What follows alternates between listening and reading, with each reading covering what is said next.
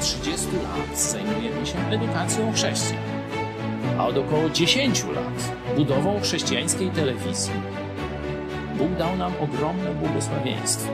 W lutym 2016 roku z garstką wierzących rozpoczęliśmy projekt codziennego nadawania na żywo komentarzy społeczno-politycznych, w których wiążemy to, co dzieje się w kraju i na świecie, z prawdami i proroctwami Biblii.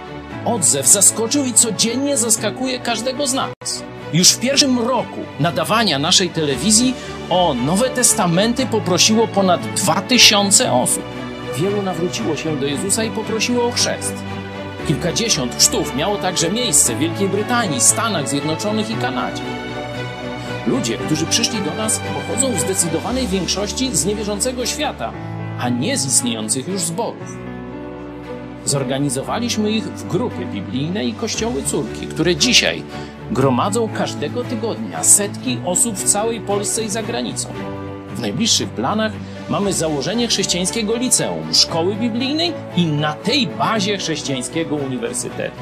Bóg dał nam też niesamowite błogosławieństwo finansowe. Nie korzystamy z żadnej pomocy pieniężnej państwa ani kościołów z zachodu, a jednak każdego miesiąca ponad tysiąc naszych widzów wpłaca ponad 80 tysięcy złotych na funkcjonowanie telewizji Idź Pod Prąd. Chwała Bogu. Nie mówię tego, by się chwalić czy wywyższać, ale by pokazać wymierne dowody niezwykłego Bożego działania i błogosławieństwa. Również Ty możesz odegrać swoją rolę w tym dziejowym przedsięwzięciu. Tak nam dopomóż Bóg.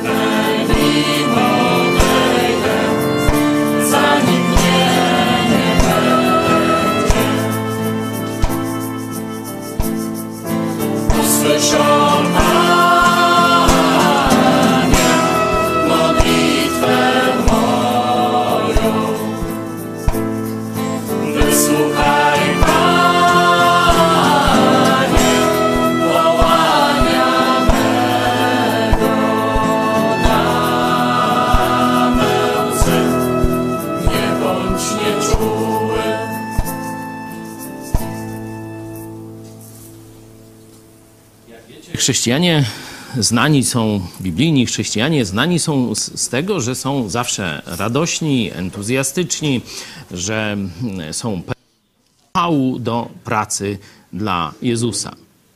I rzeczywiście, jeśli chrześcijanie są posłuszni Jezusowi, są e, blisko Boga, to taki jest główny, można powiedzieć, stan naszej psychiki, naszego ducha. E, Tak też, e, można powiedzieć, oddziaływujemy na zewnątrz. Ale nie jest to naturalny stan ani życia człowieka, e, ani jakby taki na, naturalny, czy normalny, czy raczej łatwo przychodzący, wypływający z naszej natury stan nawet chrześcijan biblijnych. Dlatego też Biblia, Nowy Testament, nie tylko Stary. Zaczęliśmy od piosenki ze Starego Testamentu, ale podobne myśli będę chciał też Wam pokazać, że nie były obce postaciom Nowego Testamentu. Jezusa zostawię na bok, choć w nim możemy znaleźć też dokładnie e, te same też e, uczucia, czy e, myśli, czy też można powiedzieć owoc, który pokazywał na zewnątrz smutku, płaczu, e, zniechęcenia, takiego rozumianego w takim sensie, że nie widział owocu, kiedy na przykład stanął przed murami Jerozolimy. Pamiętacie słowa Jezusa? Ileż to razy chciałem zgromadzić was, aleście nie chcieli. Teraz idę na krzyż za was. Nie?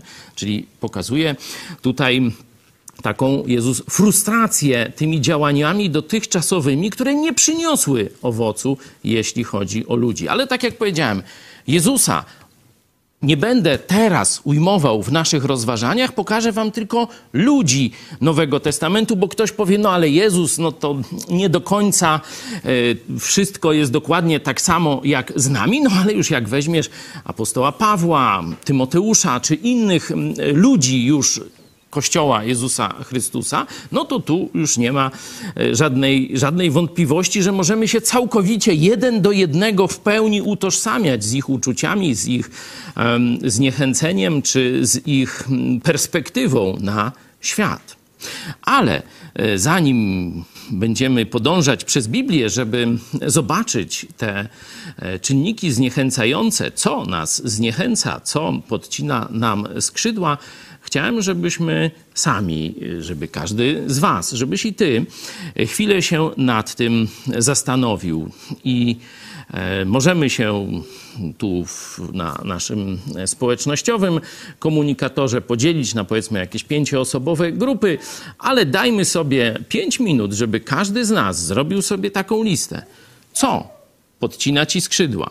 Co Cię zniechęca? Za pięć minut wrócimy, by kontynuować.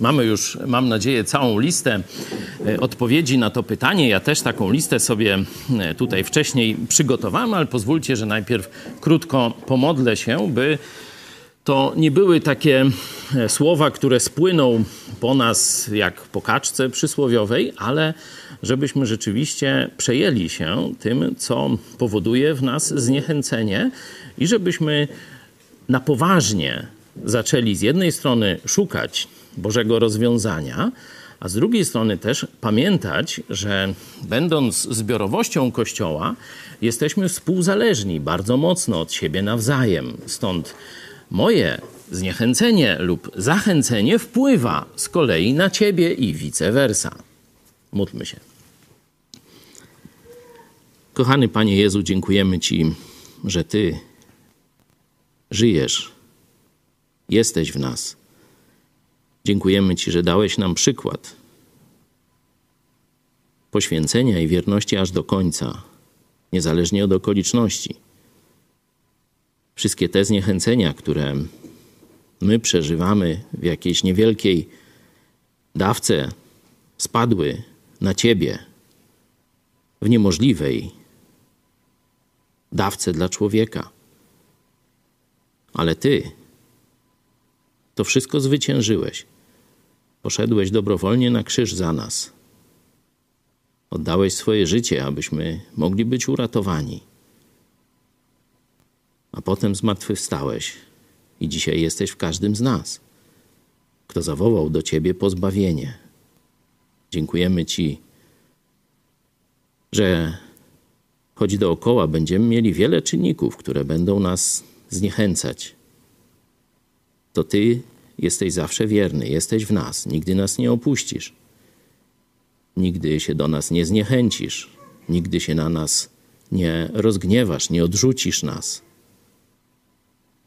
Wiemy, że jesteś z nami i wiemy też, że ten świat, choć jest wielki, potężny, ma różne e, sposoby niszczenia prawdy i Twojego kościoła, to jednak musi Ci ulec, bo Ty jesteś Panem tego świata, Panem historii. Dziękujemy Ci, że jesteśmy po Twojej stronie na zawsze. Dziękujemy Ci, że będziemy oglądać Twój triumf ostateczny. Będziemy oglądać Twoje zwycięstwo. I będziemy jako Twoja ulubienica na weselu, na spotkaniu z Tobą, tam w niebie. Dziękujemy Ci i bardzo prosimy, byś pomógł nam właściwie widzieć ten świat, który teraz nas otacza, właściwie rozumieć nasze rozterki i myśli. I zawsze stać wiernie po Twojej stronie, odrzucając nasze ludzkie, fałszywe myśli, podszepty naszych wrogów czy samego diabła. Prosimy Cię o to. Amen. Nie wiem, co jest na Waszej liście numer jeden. Ja sobie napisałem brak owocu pracy. Ktoś też podobnie yy, miał taką myśl? Że to jest dla nas zniechęcające, że coś robimy, niekiedy z poświęceniem, niekiedy dość długo nawet, e, a nie ma z tego wielkich czy, czy, czy takich efektów, jakich byśmy się spodziewali. To proszę, niech ktoś podniesie rękę.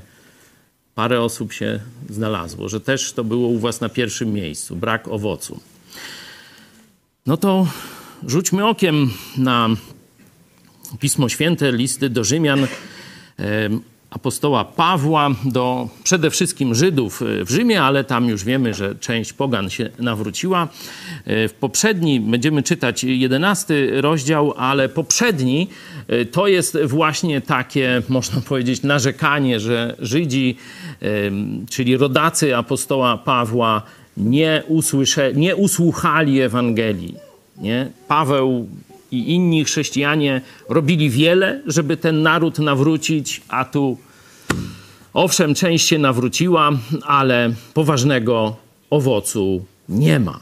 Zobaczmy, jak on pociesza sam siebie i pociesza innych chrześcijan żydowskiego pochodzenia, że ich rodacy nie chcą słyszeć Ewangelii, nie chcą masowo nawrócić się do Jezusa. Jedenasty rozdział od pierwszego wersetu. Pytam więc, czy Bóg odrzucił swój lud? Bynajmniej. Przecież ja jestem Izraelitą z potomstwa Abrahama, z pokolenia Beniamina. Nie odrzucił Bóg swego ludu, który uprzednio sobie upatrzył.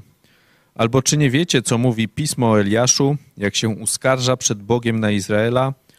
Panie, proroków Twoich pozabijali, ołtarze Twoje poburzyli i zostałem tylko ja sam, lecz i na moje życie nastają. Ale co mu mówi wyrocznia Boża? Zostawiłem sobie siedem tysięcy mężów, którzy nie zgięli kolana przed Baalem. Podobnie i obecna, obecnie pozostała resztka według wyboru łaski. Apostoł Paweł Żyd pokazuje, no słuchajcie, no narzekamy, że nasz naród się nie nawrócił, ale zaraz, zaraz. No ale ty się nawróciłeś, ja się nawróciłem. Nie? Czyli to nie jest tak, że y, ta nasza praca jest całkowicie bezowocna. Chcielibyśmy więcej owocu. Chcielibyśmy widzieć, y, można powiedzieć, rzesze Polaków nawróconych do Jezusa. Masowe, jakieś, jakiś ruch taki duchowy w Polsce. Ale apostoł Paweł mówi: zaraz, zaraz. Może my byśmy ich chcieli. Ale zobaczmy, że Bóg jednak coś dał. Są efekty tej naszej pracy. Są efekty mojej, Twojej pracy głoszenia Ewangelii bycia świadectwem Jezusa Chrystusa. Pokazuje też przykład, zobaczcie, ze Starego Testamentu proroka Eliasza. On dokładnie miał te same myśli.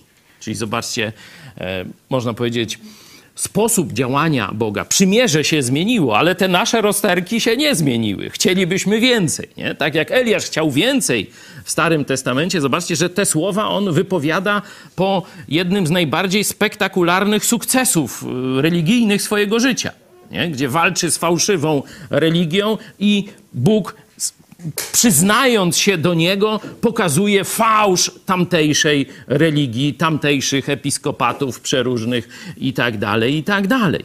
A on mówi, Boże, nie, no to, to się nie da, tu już tych wrogów tyle, no to już zabierz mnie, nic z tego nie będzie. To jest jego perspektywa. Po pierwsze, chciałby więcej, nie jest zadowolony z tego, co dostał. Ale jest jeszcze druga perspektywa. Zobaczcie, on nie wie wszystkiego. On myśli, że sam został już z proroków czy z ludzi wiernych Bogu. A jaka jest prawda? Że takich jak on jest 7 tysięcy. No, nie jest to 700 tysięcy, nie jest to nawet 70 tysięcy, ale jest 7. No to jest więcej niż jeden, nie? To jest w cholerę, jakby powiedział Marian Kowalski, w porównaniu z jednym. A w jego perspektywie, zobaczcie, czyli tu mamy pierwszy problem, że uprawiamy często czarnowictwo. Nie? Że wydaje nam się, że wszystko jest źle, że, że, że tu już nic nie będzie i y, tu nie uda się i nie udało i nie ma sensu i tak dalej. Ale po pierwsze, my jesteśmy, to już jest sukces, to już jest chwała Bogu. A po drugie, jeszcze wiele nie wiemy jakie są efekty czy naszego działania, czy działania Boga w naszym narodzie.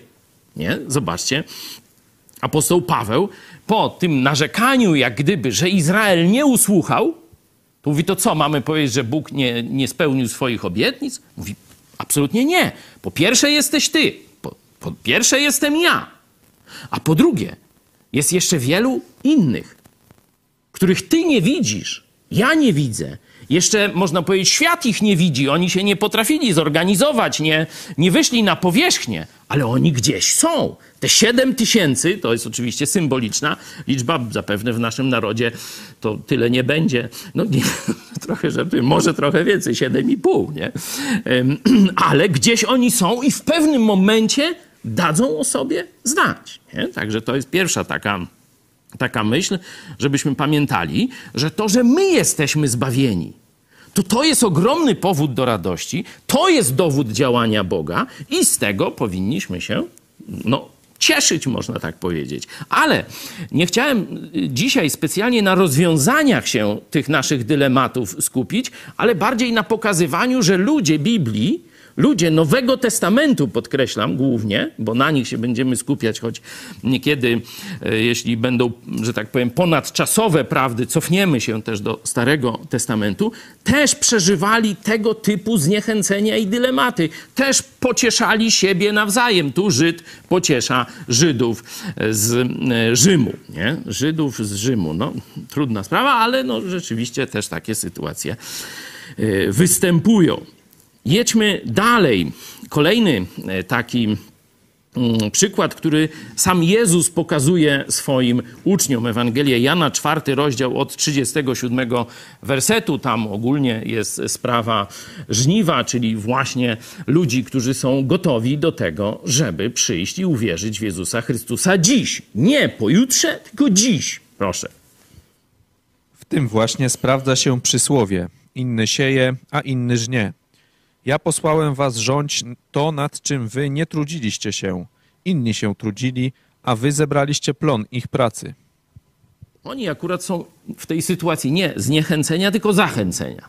Nie? Oni właśnie e, masowo doświadczają e, tych pozytywnych rzeczy związanych z okoliczności, że są owoce ich działania. A to guzik prawda. To nie jest owoc ich działania. Wy się nie trudziliście na tym. Czyli zobaczcie, tu przychodzi owoc do tych ludzi i gdyby oni cieszyli się tylko tym owocem, to zaraz będą zniechęceni. Zobaczcie, ile ludzi wcześniej trudziło się nad tym narodem, nie widząc żadnych owoców. Oni tylko siali. I teraz nie wiemy, jaką rolę Bóg nam da. Czy właśnie to, co dzisiaj mówisz, ale nie ma żadnych efektów mojej pracy. To nie jest dokładnie to samo, kiedy rolnik idzie w pole i sieje, rzuca ziarno. No dzisiaj to siewnikiem. Nawet podobno są już jakieś siewniki punktowe. No ale przychodzi na drugi dzień, ziemia wyschła, bo wcześniej to trochę była przewrócona, no to tam nic. Żadnych ani kalafiorów, zimniorów, nie wiem, kłosów nie ma, normalnie nic. Zgoła ziemia. Noż to mówi, no to czas się zniechęcić, nie? No jakby tak chłop powiedział, to byśmy powiedzieli, że głupi chłop to był, nie? No każdy chłop wie, że to spokojnie, to trzeba będzie na to żniwo jeszcze dość długo poczekać, jeszcze się trzeba będzie potrudzić, jeszcze trzeba będzie i obsypywać, czy, czy plewić, no w zależności co sobie tam posadził, czy posiał. Także musimy pamiętać. Druga rzecz, nie? oprócz tego, tej, tej pierwszej, że po prostu są różne czasy. Nie? Ale trzeba się przygotować, że będzie czas bez owocu, czas siania, gdzie nie będziesz widział ani wzrostu, nawet liści być może, a nie mówiąc już o kwiatach tam, czy kolbach, czy, czy tych no tam kłosach. Nie? Zobaczmy z kolei ostatnią księgę Biblii, fragment, który dość często w naszym kościele jest pokazywany, Księga Objawienia, trzeci rozdział, list do kościoła Filadelfii, list Jezusa do kościoła w Filadelfii. A do anioła zboru w Filadelfii napisz: To mówi święty, prawdziwy, ten, który ma klucz Dawida, ten, który otwiera, a nikt nie zamknie, i ten, który zamyka, a nikt nie otworzy. Znam uczynki Twoje. Oto sprawiłem, że przed Tobą otwarte drzwi, których nikt nie może zamknąć. Bo choć niewielką masz moc, jednak zachowałeś moje słowo i nie zaparłeś się mojego imienia. Oto sprawię, że ci z synagogi szatana, którzy podają się za Żydów, a nimi nie są, lecz kłamią, oto sprawię, że będą musieli przyjść i pokłonić się Tobie do nóg i poznają, że ja Ciebie umiłowałem. No zobaczcie, znowu mamy taki obraz. Tak jak z tym sianiem i zbiorem. Jest czas, gdzie ten Kościół funkcjonuje. Wierny Jezusowi, wierny Jego Słowu, głosząc Ewangelię, przyjmując na klatę przeciwności i ataki synagogi szatana. A efektu albo nie ma, albo jest mierny, mizerny. Nie? Niewielką masz moc. Ale w pewnym momencie, no to to już sobie tam, yy, sobie tam czytaliśmy, co się dzieje. Ale ja mówię o tym stanie, kiedy nie widać owocu. Nie widać owocu. Ten stan będzie obecny też w naszym, w moim czy w Twoim życiu. Warto, żebyś wiedział o tym, żebyś kiedy ten stan przyjdzie, taki okres przyjdzie w Twoim życiu, że nie będziesz widział owocu, żebyś właśnie nie uległ zniechęceniu, tylko żebyś wiedział, aha, no to jest normalne. Teraz jest czas zaiwaniania, siania, doglądania, a nie żniwa, a nie dożynek z ministrem Sasinem, czy może samym Jarosławem Kaczyńskim. I tu powinienem za biskupem Jędraszewskim powiedzieć ludu dziękujcie Bogu za tego człowieka, że przyszedł na ziemię. Noż to w kościele katolickim niech se takie kucypały i androny odprawiają. My wracamy do e, innych tematów. Na pierwszym miejscu ja i spora część z Was pewnie, jeśli chodzi o czynnik zniechęcający, daliśmy brak owocu. No, na drugim ja dałem sobie wrogów. Nie? Mam nadzieję, że moi wrogowie nie poczują się znieważeni, ich uczucia religijno, y, tam nienawistno-hejterskie nie zostaną urażone tych, że są na drugim. W rzeczywistości to nawet bym ich na jakimś szarym końcu zamieścił, no ale biorąc średnią krajową, stwierdziłem, że rzeczywiście no, dla wielu istnienie wrogów w chrześcijaństwie jest, jakby to powiedzieć, mm, no, ważnym elementem. Nie? Czyli najpierw brak efektu, teraz przechodzimy do szerszej kategorii ludzie. No to jak ludzie, no to najpierw weźmy wrogów. I tu sięgniemy do e, Starego Testamentu, bo e, wrogowie nie przeżyli nawrócenia, działają dokładnie tak samo jak w Starym Testamencie.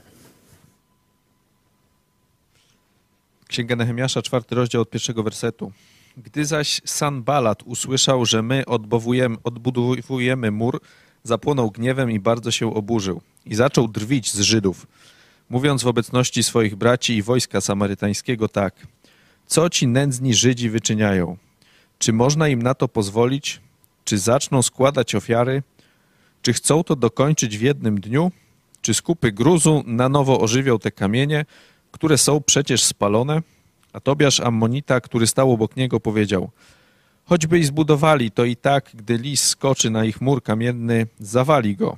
No, chwila przerwy. No zobaczcie, ile zachęt w jednym krótkim fragmencie Biblii. Jak sobie poczytamy komentarze naszych hejterów, czy ich życzenia urodzinowe, czy różne inne, noż to będziemy mieli w różnej wersji rekolekcji, kolekcji zbiór ten, który e, słyszał e, Nehemiasz i ci, którzy z nim podjęli się tej wielkiej roboty odbudowania muru, w, który, w którego odbudowę w Izraelu już nikt nie wierzył.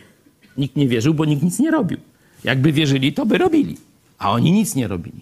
To on z dalekiego kraju przybył i dopiero ich pobudził do e, tego działania. Także no, będą drwiny, będą e, kpiny, będzie staranie się wbicie ciebie w przekonanie, że to nawet jak ci coś się uda, nawet jak coś zrobisz, to i tak to obić o kamieni kupa i tak dalej, i tak dalej. Nic z tego nie będzie. Nie?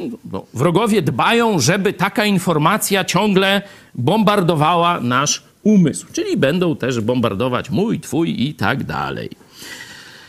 No, to tu Nechemiasz zwraca się do Boga, prosimy. Słuchaj, Boże nasz, w jakiej jesteśmy pogardzie. Spraw, by ich urąganie spadło na ich własne głowy. Wydaj ich na łup w ziemi niewoli. No to jeszcze Stary Testament. To my się możemy modlić o ich nawrócenie, a Bóg niech się sądem e, zajmie, czy pomstą. Jedźmy dalej. Nie zakrywaj ich winy, niech ich grzech nie będzie zmazany przed Tobą, gdyż znieważyli odbudowujących. My zaś odbudowywaliśmy mur dalej i wkrótce cały mur był powiązany do połowy jego wysokości, lud zaś ochoczo pracował. No, zobaczcie, że ta pierwsza, pierwszy atak wrogów, czyli drwina, zniechęcenie, pokazanie bezsensu e, tego zamierzenia, że ono na pewno się nie uda, no, strzezło na niczym. ten lud Boży się, że tak powiem, ogarnął, e, budował e, dalej i już te wszystkie, bo ten mur rozwalony, no to był mniej więcej, że tam kawałki były lepsze, niektóre miejsca były całkowicie wyburzone, no to już te miejsca całkowicie wyburzone zaczęły się wypełniać nie? do połowy wysokości, czyli już jak gdyby połowa muru. Zobaczcie, tu jest ciekawa rzecz, że połowa roboty to jest najgorszy moment, bo to jest już człowiek zmęczony jest robotą, a do końca hen, hen daleko. Nie? No to tu psychologicznie, zobaczcie, no trafnie wybrali ten e, drugi sposób zniszczenia tego dzieła Bożego. Proszę. A gdy Sanbalat, Tobiasz, Arabowie, Ammonici mieszkańcy Ażdodu usłyszeli, że naprawa murów Jeruzalemu postąpiła naprzód, gdyż wyłomy zaczęły się wypełniać, zapłonęli wielkim gniewem.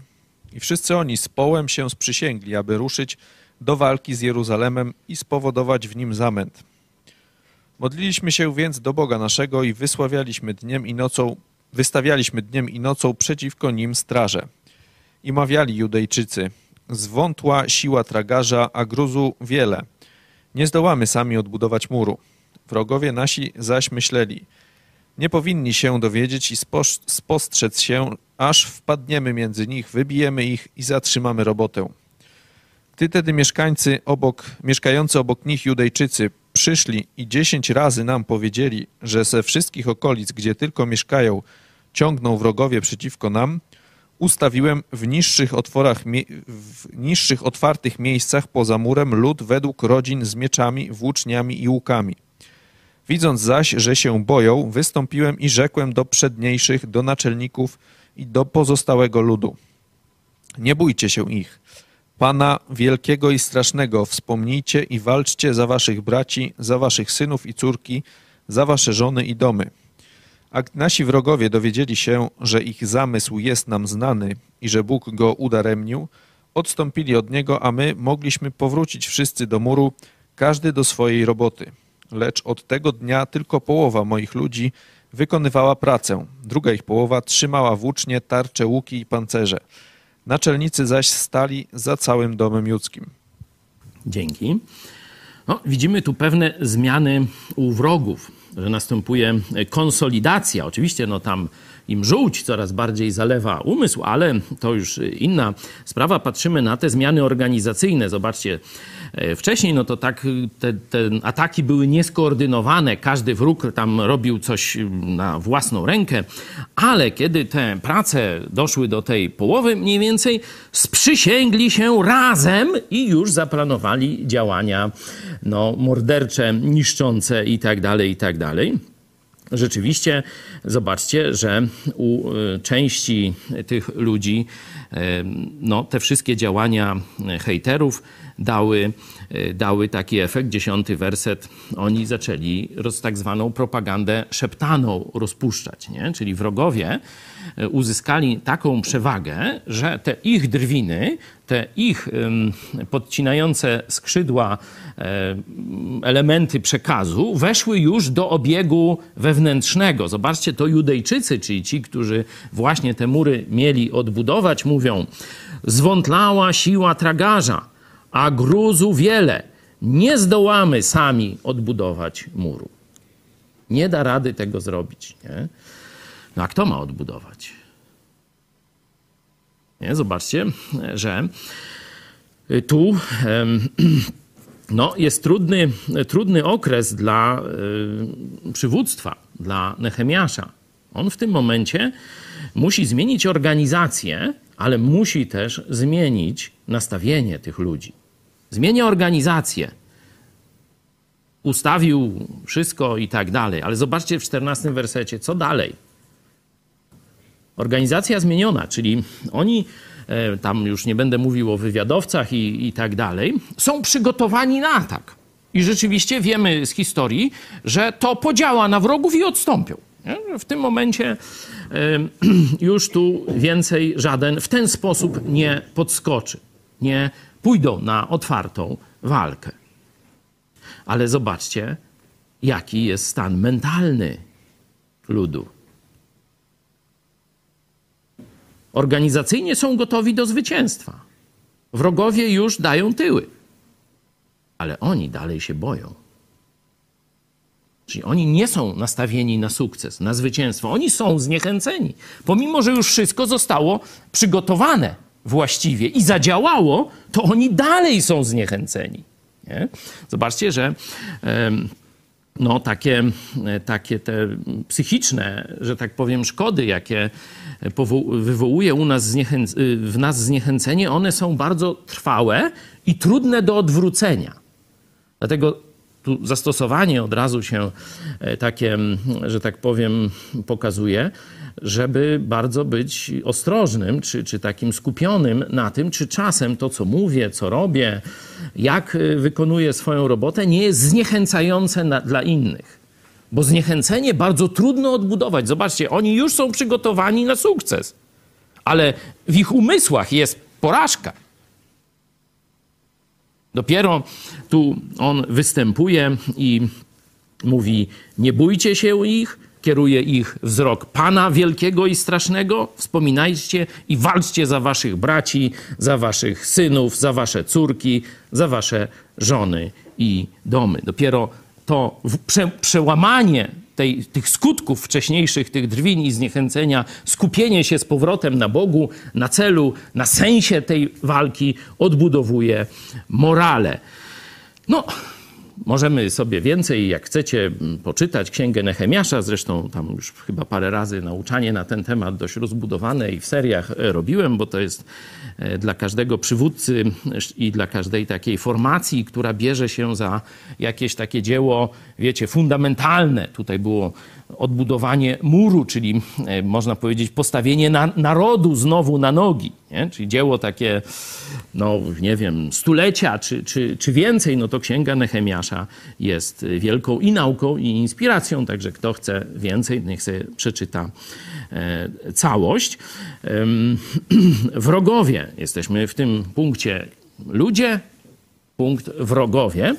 Zobaczmy mm, z Ewangelii Mateusza, co prawda, tak jak tu ze Starego Testamentu wzięliśmy przykład, ale mówię, wrogowie działają dalej tak samo, no bo tu diabeł w tym sensie się nie zmienił, jego słudzy też się nie zmienili, no nie są nowonarodzeni, no to działają po staremu, stąd możemy te metody wrogów przenieść. Teraz przenieśmy się do przyszłości z kolei, do czasu mm, apokalipsy. Wtedy Jezus opowiada, jak będzie, i mówię, to nie dzieje się dzisiaj, ale zależności możemy przenieść na dzisiaj. Czyli jak ludzie reagują. Proszę. Wtedy wydawać was będą na udrękę i zabijać was będą i wszystkie narody pałać będą nienawiścią do was dla imienia mego. I wówczas wielu się zgorszy i nawzajem wydawać się będą i nawzajem nienawidzić. I powstanie wielu fałszywych proroków i zwiodą wielu, a ponieważ bezprawie się rozmnoży, przeto miłość wielu oziębnie. Powtarzam, to jest opis sytuacji apokaliptycznej, ale relacje psychologiczne na zniechęcenie, na niepowodzenia, na hejterów, na wrogów, na zdradę, e, na fałszywych e, tych tam proroków i tak dalej, no to te mechanizmy pozostają. Stąd możemy też o nich pamiętać, że kiedy nasi przeciwnicy, tu władza państwowa, czy co tam innego, będą zwiększać nacisk, jakiś, wiecie, presję, udręki i tak dalej, wtedy zobaczcie, 24 e, rozdział, 10 werset, wielu się zgorszy, czyli wielu odstąpi, że gdyby tej presji nie było, oni byliby z nami. Śpiewaliby Alleluja i może nawet by mówili językami ludzi i aniołów, nie, czy samych aniołów i tak dalej. Ale kiedy przyszło wyzwanie, kiedy przyszło sprawdzam, no to oni uciekają. Ale żeby jeszcze tylko uciekali, tylko smród, żeby po nich pozostał, to jeszcze było pół biedy. Zobaczcie, co jeszcze oni zrobią. Ci tchórze, którzy nie sprostali wyzwaniu. Oni będą nas atakować. Teraz będą nas nienawidzieć. Będą, można powiedzieć, dostarczać amunicji naszym wrogom i hejterom. No, cóż to zobaczcie, jak to się dzieje, jak tu nic nowego pod słońcem. Jezus to zapowiedział. To oczywiście teraz to jest tylko preludium, to jest, y, wiecie, bardzo lekkie, nie? To w czasie apokalipsy wyleje się z całą, z całą złością, ale to e, te psychologiczne relacje, zobaczcie, że pozostają takie same. Bezprawie się rozmnoży, miłość wielu oziębnie. Trzeba o tym pamiętać, że to, kiedy widzimy, że ten świat coraz bardziej się stacza, widzimy coraz większą nieprawość wokół siebie, zdradę, podłość, kłamstwo, no to będą nam, że tak powiem, skrzydła naturalnie opadały. Później będziemy się zastanawiać, co, żeby je podnieść, nie? Ale trzeba mieć tego świadomość, że idziemy w coraz gorszy świat. Czyli ten świat będzie sprawiał, że nasza miłość będzie, że tak powiem, coraz trudniejsza do utrzymania na tym najwyższym poziomie mocy. A o tych innych tam atakach i zachowaniu no, niektórych y, niegodnych braci, no to tu już, tu już Jezus to jasno pokazał. Najpierw okoliczności, brak owocu, potem ludzie, czyli wrogowie. Tych krótko omówiłem. Przejdźmy na e, ludzi, którzy nie są bezpośrednio naszymi wrogami. Nie? Oni nie atakują nas, ale my widzimy ich życie. Nie? E, I zobaczmy Psalm 73. Z tym miał człowiek Starego Testamentu, Dawid, problem. Ale tak jak powiedziałem, ci bezbożnicy, bo teraz nimi się zajmiemy, czyli ludzie, którzy bezpośrednio nas nie atakują, nie, nie są to nasi tam oprawcy, hejterzy, killerzy, władza państwowa, tylko no po prostu bezbożny świat, nie? jak funkcjonuje. I e, ludzie Boży obserwowali, zarówno w Starym, jak i w Nowym Testamencie. Tu ten bezbożny świat się nie zmienił. Zresztą sami posłuchajcie. Co do mnie, omal nie potknęły się nogi moje, omal nie poślizgnęły się kroki moje, bo zazdrościłem zuchwałym, widząc pomyślność bezbożnych. Albowiem nie mają żadnych utrapień, zdrowe i krzepkie jest ich ciało, znoju śmiertelników nie doznają i nie spadają na nich ciosy, jak na innych ludzi. Przeto pycha jest ich naszyjnikiem, a przemoc szatą, która ich okrywa. Obnoszą się dumnie ze swą otyłością, serce ich jest pełne złych myśli. Szydzą i mówią przewrotnie, wyniośle przechwalają się grabieżą. Przeciwko niebu podnoszą gęby swoje, a język ich pełza po ziemi. Dlatego lud mój zwraca się do nich i nagannego nic w nich nie znajduje. I mówią, Jakożby mógł dowiedzieć się Pan, czy Najwyższy wie o tym? Oto takimi są bezbożni, zawsze szczęśliwi, gromadzący bogactwa. Czy więc na próżno w czystości zachowywałem serce moje i w niewinności obmywałem ręce moje? Albowiem co dzień znoszę ciosy i jestem smagany każdego rana. Człowiek pobożny, e, człowiek oddany Bogu, człowiek walczący codziennie o swoją świętość, żeby właśnie być wierny Bogu. I widzi świat, widzi niektórych przedstawicieli tego świata, swoich kolegów, znajomych, jakieś no, znane osoby ze środowiska, no wtedy jeszcze telewizji nie było, nawet fejsika, ale no tam jakoś ludzie jednak mimo wszystko się porozumiewali i komunikowali i ta wieść o tym, jak, jak się komu wiedzie, docierała do ludzi, no i no patrzy. No gnida kompletna. Paskudny, podły człowiek, grabieżca, ciemiężca. A zobacz, jak mu się powodzi. A ja i tutaj trzy kropki. Nie?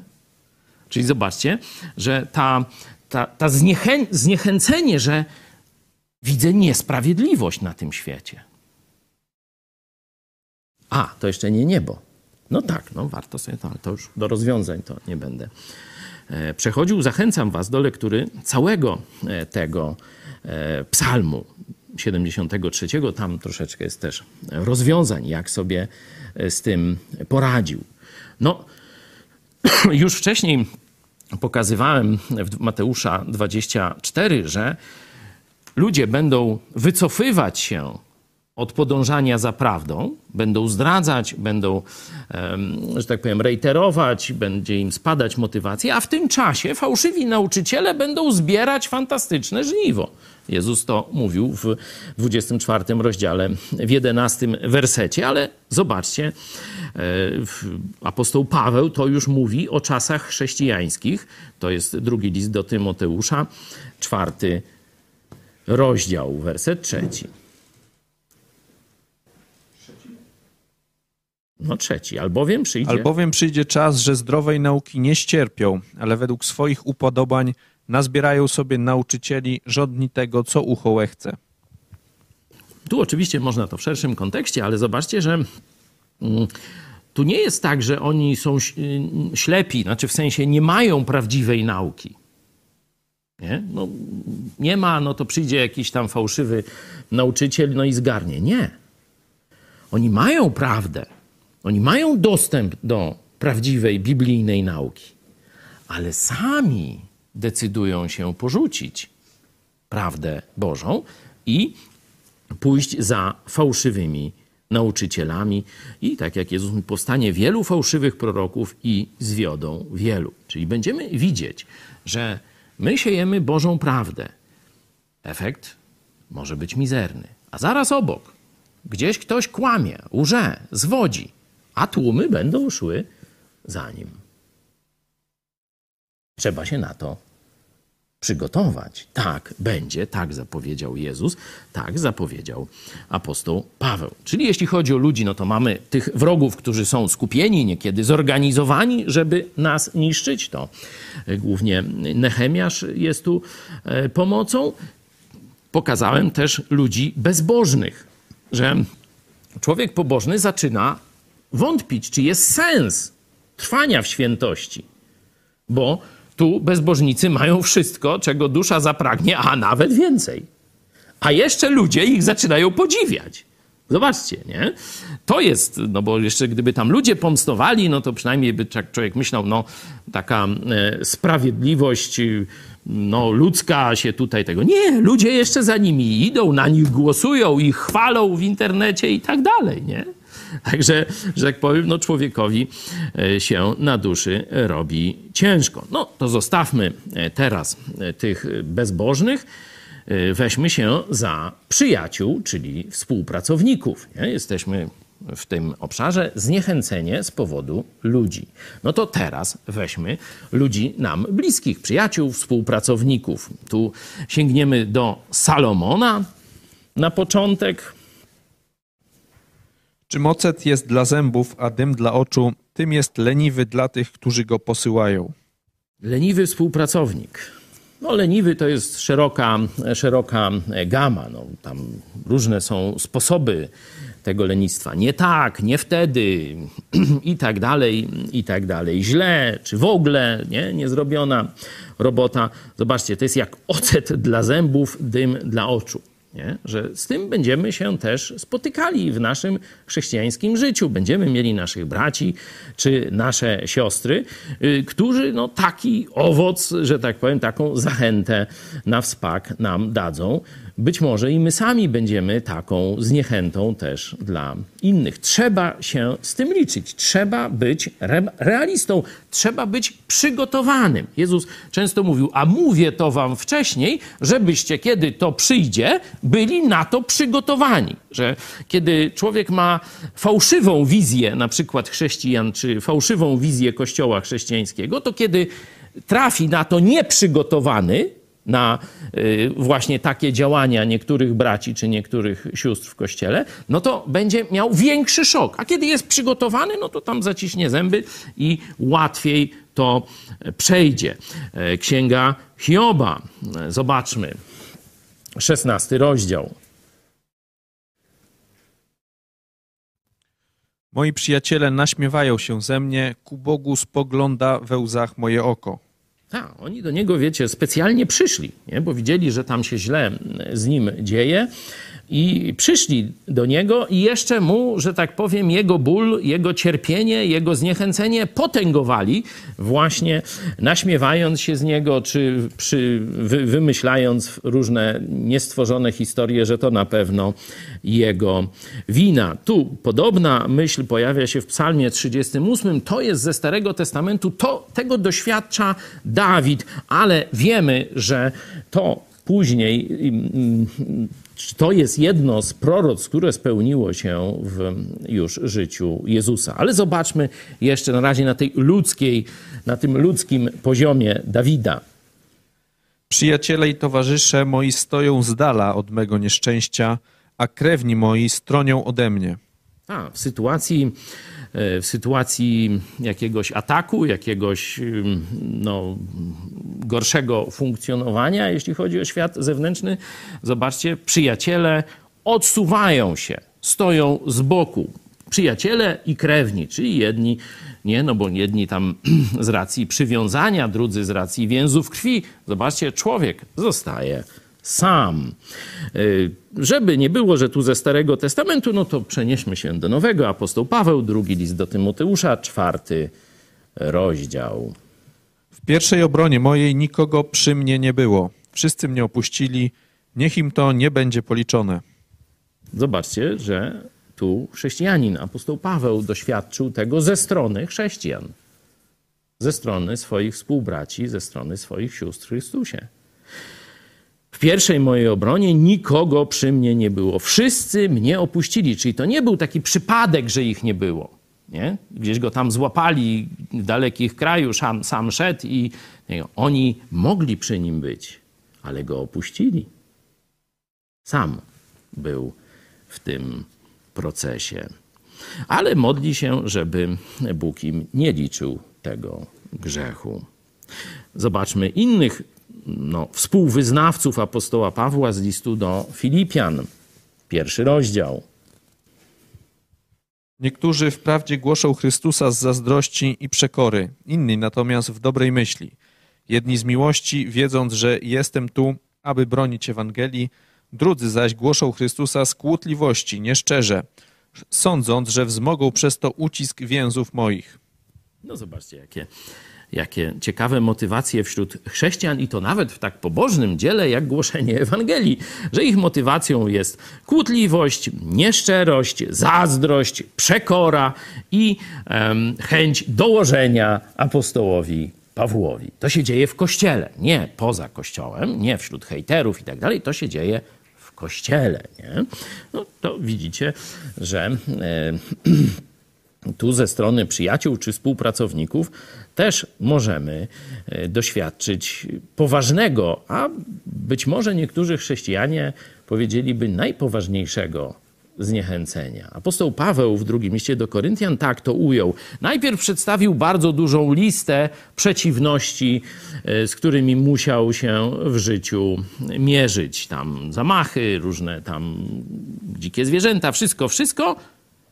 I zobaczcie, co dalej trudzie i znoju, często w, niedosypa, w niedosypianiu, w głodzie i pragnieniu, często w postach, w zimie i na gości. To są wszystko te rzeczy właśnie zewnętrzne, to jest końcówka tej listy, a teraz zobaczcie, co przedstawia dalej. Pomijając te sprawy zewnętrzne, pozostaje codziennie nachodzenie mnie, troska o wszystkie zbory. A, tu nachodząca mnie, tu jakieś, nie wiem dlaczego tak te tłumaczenia kontekst pokazuje, że zobaczcie, tam jest cała lista takich bardzo nieprzyjemnych rzeczy. Nie? A apostoł Paweł podsumuje, pomijając te sprawy zewnętrzne, bo to, że od hejterów, od różnych tam złych ludzi, od władzy państwowej, od przywódców y, konkurencyjnych, religijnych y, będzie tam tego, to to wszystko to tam oczywista oczywistość. On mówi, pomijając te sprawy, zobaczcie, codziennie mam problemy e, ze względu na to, co dzieje się w kościołach, które założył. I to go dobija. Nie? Czyli jeśli chodzi o ludzi, którzy mogą nam, że tak powiem, dodać optymizmu. Tu czytali na wspak. No to mówiliśmy o wrogach, mówiliśmy o bezbożnikach, ale mówiliśmy też o współpracownikach, o przyjaciołach, o tych, którzy są z nami w kościele. Trzeci taki punkt, który, e, który mm, też dałem jako chyba ważny dla wielu z nas, co może nas dołować, to jest nasze zdrowie, nasze niedomagania fizyczne, jakieś złe funkcjonowanie naszego ciała. Zobaczmy kilka fragmentów, które to opisują. Drugi z do Koryntian 12 rozdział. Bym się więc z nadzwyczajności objawień zbytnio nie wynosił, wbity został cierń w ciało moje, jakby posłaniec szatana, by mnie policzkował, abym się zbytnio nie wynosił. W tej sprawie trzy razy prosiłem Pana, by On odstąpił ode mnie. Do szatana jeszcze przejdziemy, ale widać, że tu e, kontekst jest cierń w ciele, nie? że tu e, to, ta dolegliwość, oczywiście tutaj szatan jest za tą chorobą, ale dolegliwość dotyczy zdrowia, dotyczy ciała. Zobaczcie, że to jest nie jakiś atak raz na jakiś czas, ale codziennie. Apostoł Paweł zwraca się do Boga, e, żeby to zabrał. Ile razy się modli? Zobaczcie, trzy razy. Nie będę mówił o odpowiedzi, ale też nie jest pozytywna. Czy Paweł trzy razy się modli? Bóg nie odpowiada, dopiero za trzecim razem odpowiada. I mówi: Nie będzie polepszenia Twojego stanu zdrowia. Jeśli apostoł Paweł wołał do Boga, żeby to odjął, na pewno było to coś poważnego. Nie była to duperela, bo on wiele przeszedł w swoim życiu.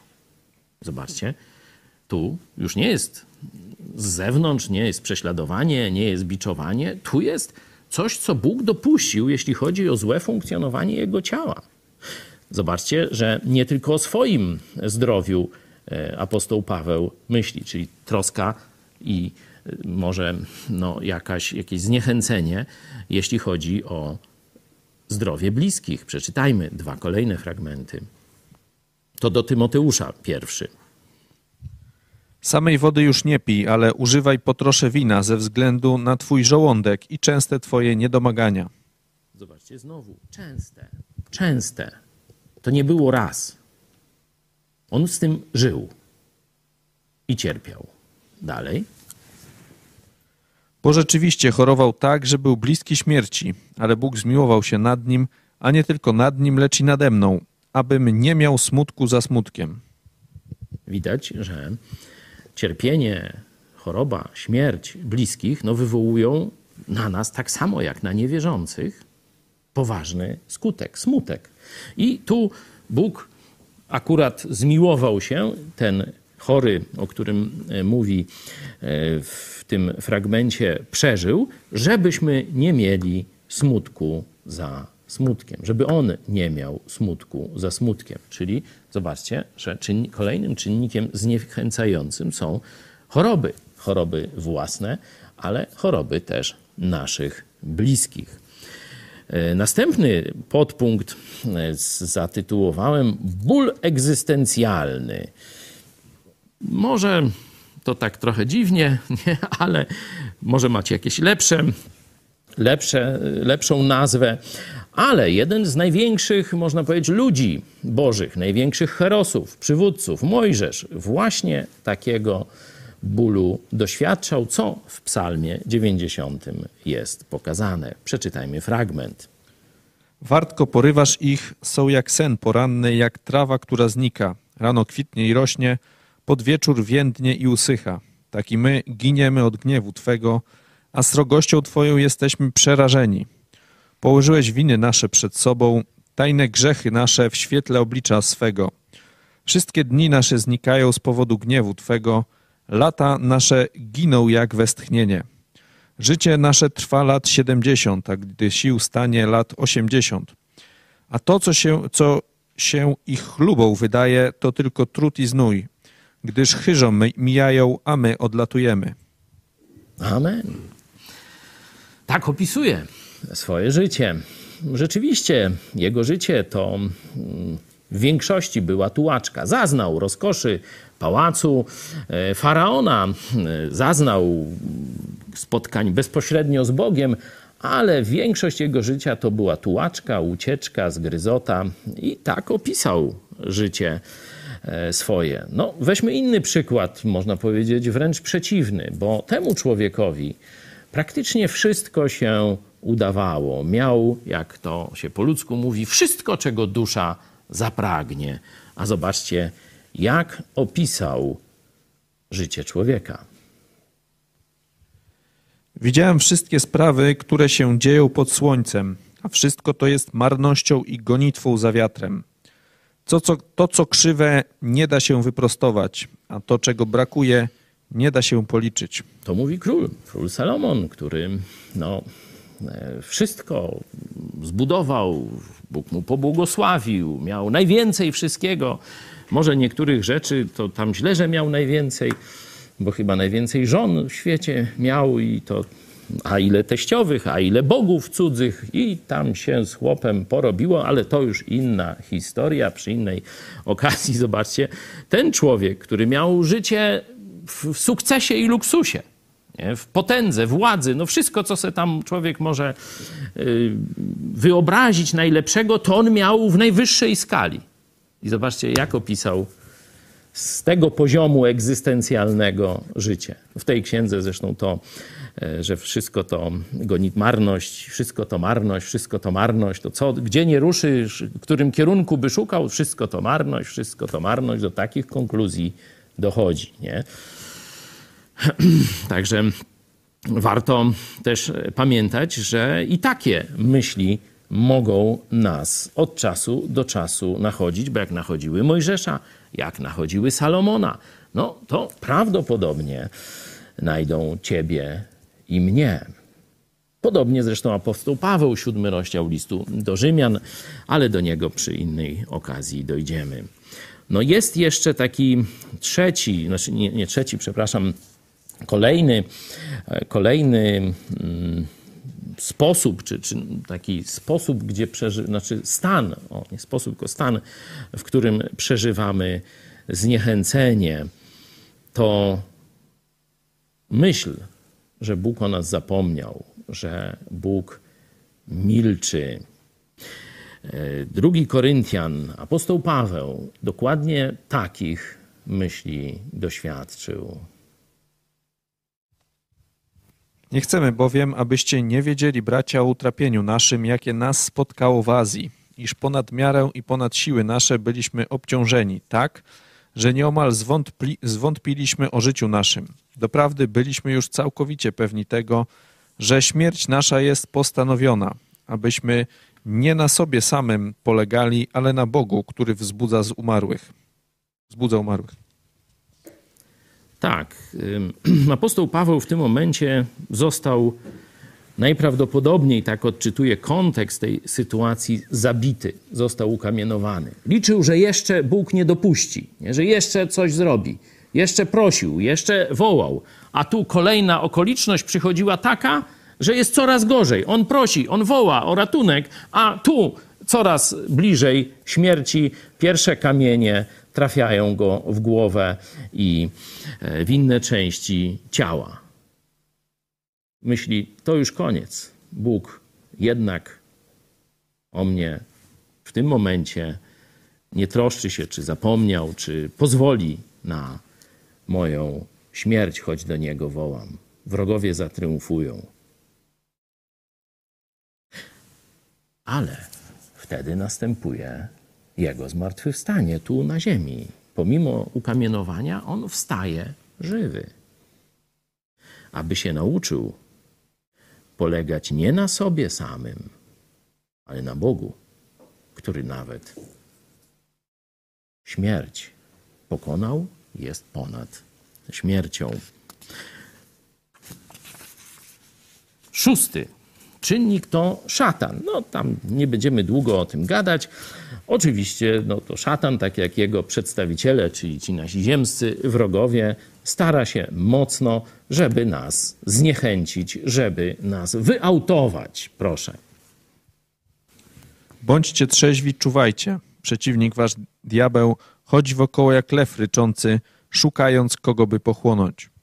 I wielokrotnie o tym też mówiłem, że człowiek zniechęcając się, czy z różnych powodów, odchodząc coraz dalej od Jezusa, jest już na obrzeżach kościoła i wtedy szatan zaprasza. Nie? No i część niestety da się mu e, pokonać. E, w drugim liście do Koryntian, bo to apostoł Piotr, teraz apostoł Paweł pokazuje, jak tam przeżywa właśnie takie sytuacje, kiedy chrześcijanin pomimo napomnień, pomimo wezwań ze strony braci, ze strony Kościoła, dalej idzie w grzech e, i e, zostaje wykluczony z Kościoła, ale teraz coś tam się w głowie zaczyna naprawiać i chce wrócić. Zobaczmy E, ten e, opis z drugiego listu do Koryntian, drugi rozdział. Albowiem pisałem do was z głębi utrapienia i zbolałego serca, wśród wielu łez, nie abyście zostali zasmuczeni, lecz, lecz abyście poznali nader obfitą miłość, jaką żywię dla was. Jeśli tedy ktoś zasmucił, to nie mnie zasmucił, lecz poniekąd, by nie powiedzieć za wiele, was wszystkich. Takiemu wystarczy ta kara, jaka została nałożona przez większość. Także przeciwnie, wy raczej powinniście przebaczyć mu i dodać otuchy, aby przypadkiem nadmiar smutku nie pochłonął. Tak.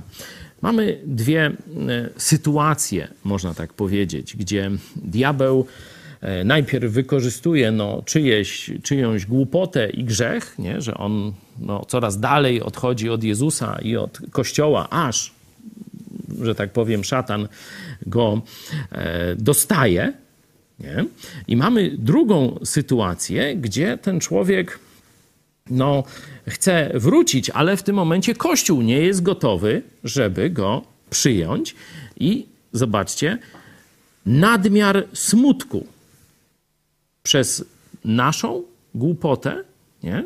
niepodążanie za wolą Bożą albo grzesznika, albo Kościoła, może się pojawić stan, gdzie nadmiar smutku człowieka zniszczy, człowieka e, pochłonie. Tutaj jest ten ten no, taki opis. Także z jednej strony każdy z nas musi dbać o swoją świętość, by jak najbliżej Jezusa i w centrum wydarzeń pełnienia woli Bożej w Kościele być, nie?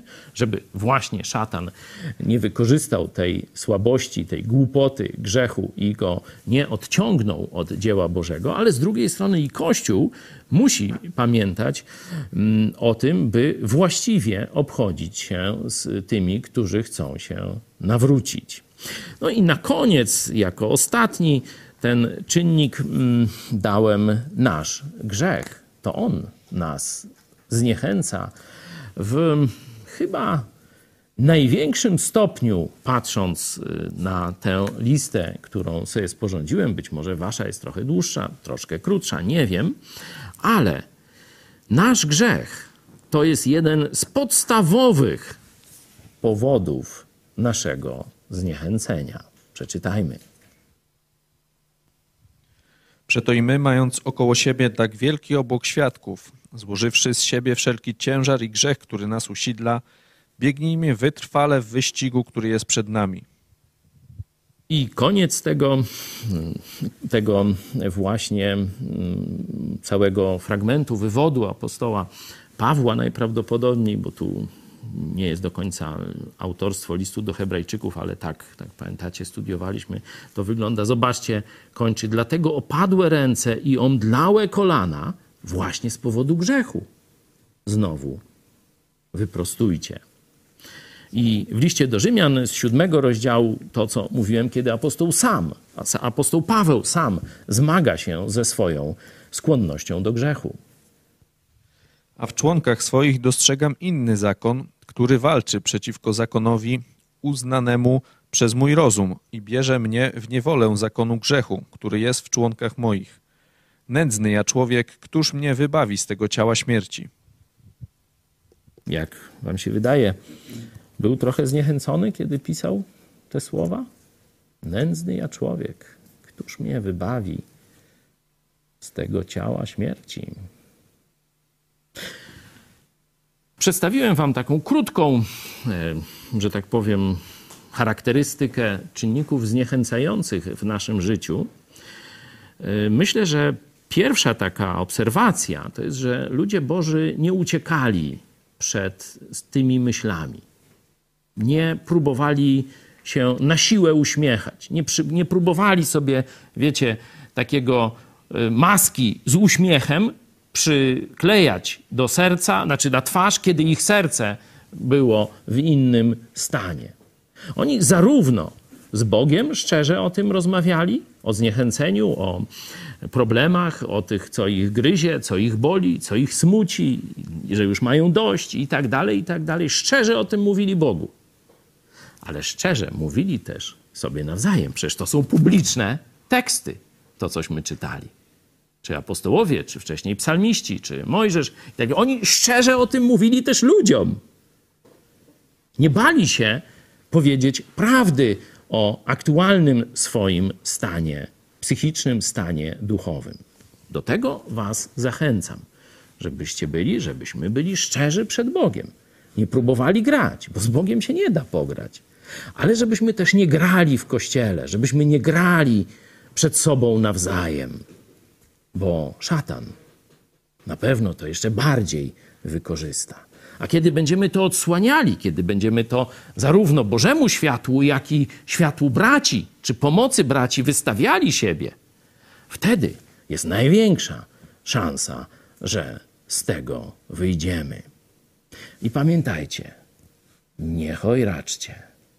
Nędzny ja człowiek. Nie jesteś człowiekiem z żelbetu, z marmuru, z żelaza. Jarosław z czego ma być?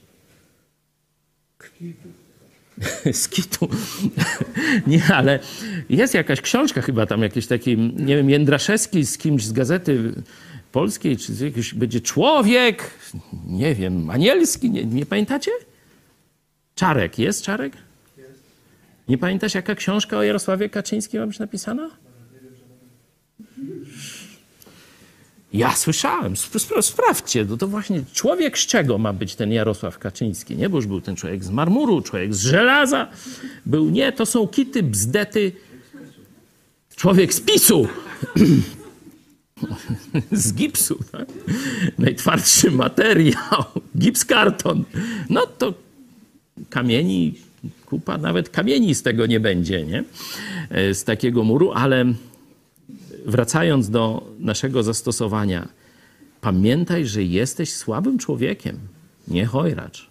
Nie myśl, że to, że już jesteś zbawiony, to, że poznałeś trochę Biblię, że już jesteś mądrzejszy niż inni, że to cię predysponuje do tego, że już nie zbłądzisz, nie upadniesz, nie zgrzeszysz, nie załamiesz się. Nieprawda. Apostoł Paweł mówi: Nędzny ja człowiek bez Zbawiciela. Nie dam rady. I ty też nie dasz rady. No, zobaczcie, jako takie zadanie domowe, to zapiszcie sobie gdzieś w widocznym miejscu takie słowa Jezusa. Można też te apostoła Pawła, nędzny ja człowiek, któż mnie wybawi z tego ciała śmierci, ale w Ewangelii Jana w 15 rozdziale w piątym wersecie Jezus mówi: Beze mnie nic uczynić nie możecie. Nic wartościowego, dobrego, pozytywnego w tym sensie jest to oczywiście. Nic związanego z realizacją woli Bożej. Beze mnie nic uczynić nie możecie.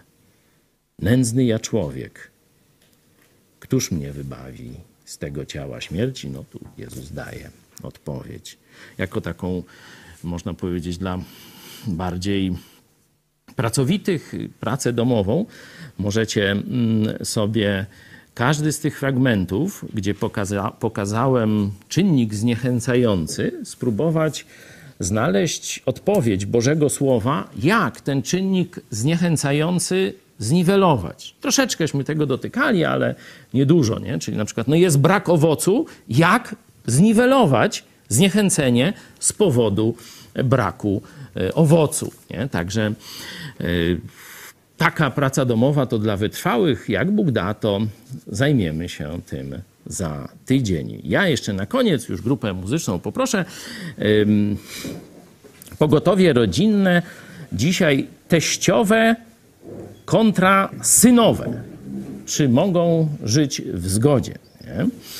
A ja oczywiście jeszcze na koniec podziękuję wszystkim Wam, którzy staraliście, by e, ten czas urlopu, jaki no, postanowiłem wziąć, niekoniecznie ze względu na siebie, bo ze względu na siebie mnie wziął, ale raczej na swoją rodzinę, że to wszystko dobrze funkcjonowało, że telewizja funkcjonowała, kościół funkcjonował. Wiem, że to była e, i e, taka no, praca mrówcza dla wielu, ale też i wysiłek ponad miarę dla niektórych, czyli musieliście wyjść ze sfery, sfery tam bezpieczeństwa i e, robić mm, no, rzeczy, mm, do których na co dzień nie, e, nie przywykliście. Stąd bardzo, bardzo dziękuję, szczególnie tym, którzy wytrwale robili małe rzeczy i tym, którzy musieli taki krok wiary, krok naprzód mm, zrobić. Nie będę wymieniał żadnych imion żadnych nazwisk, bo to Bóg wie, wy też wiecie.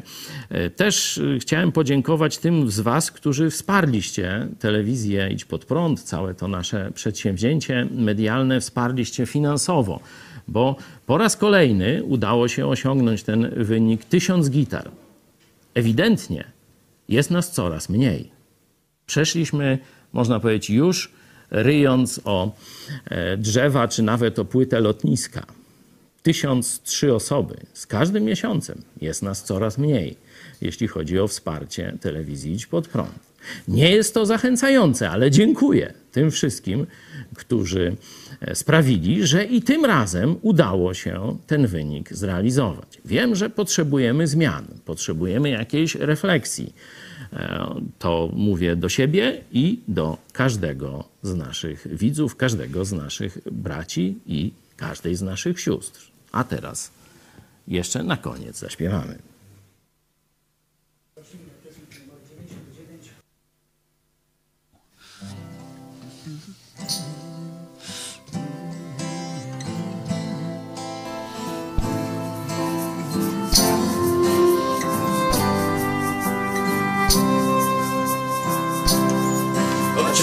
Widzę, wiem jesteś tu, choć Cię nie czuję. Nie boję się, będę ufać Ci i nie będę lękać się. Gdy w czasie walki zabraknie Ci, wiem jesteś ze mną, dodajesz mi będę ufać Ci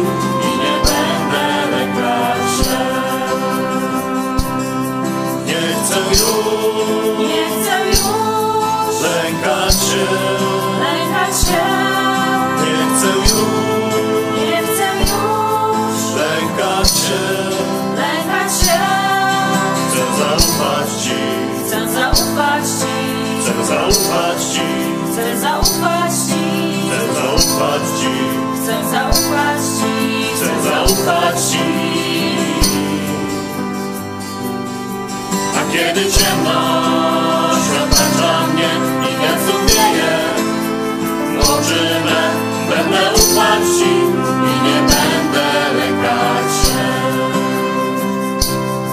Gdy cały świat chce powiedzieć walcz, ja będę ufać, prosi mi grę, będę ufać Ci i nie będę lękać się.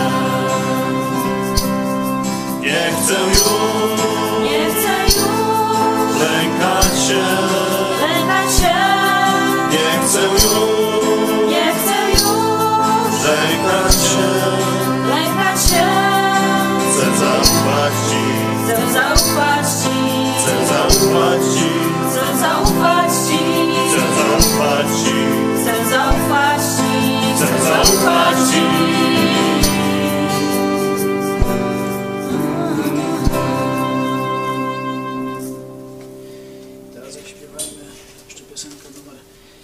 56, to jest Postanowiłem pójść za Jezusem.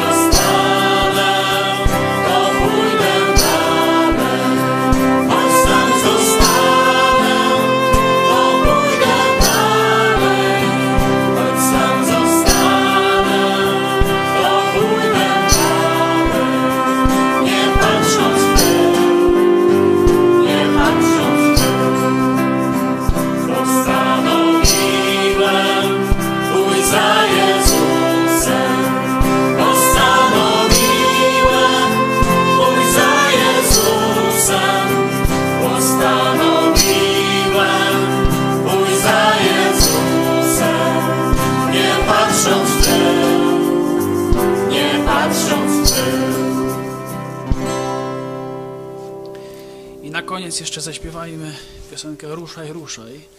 To jest numer 191.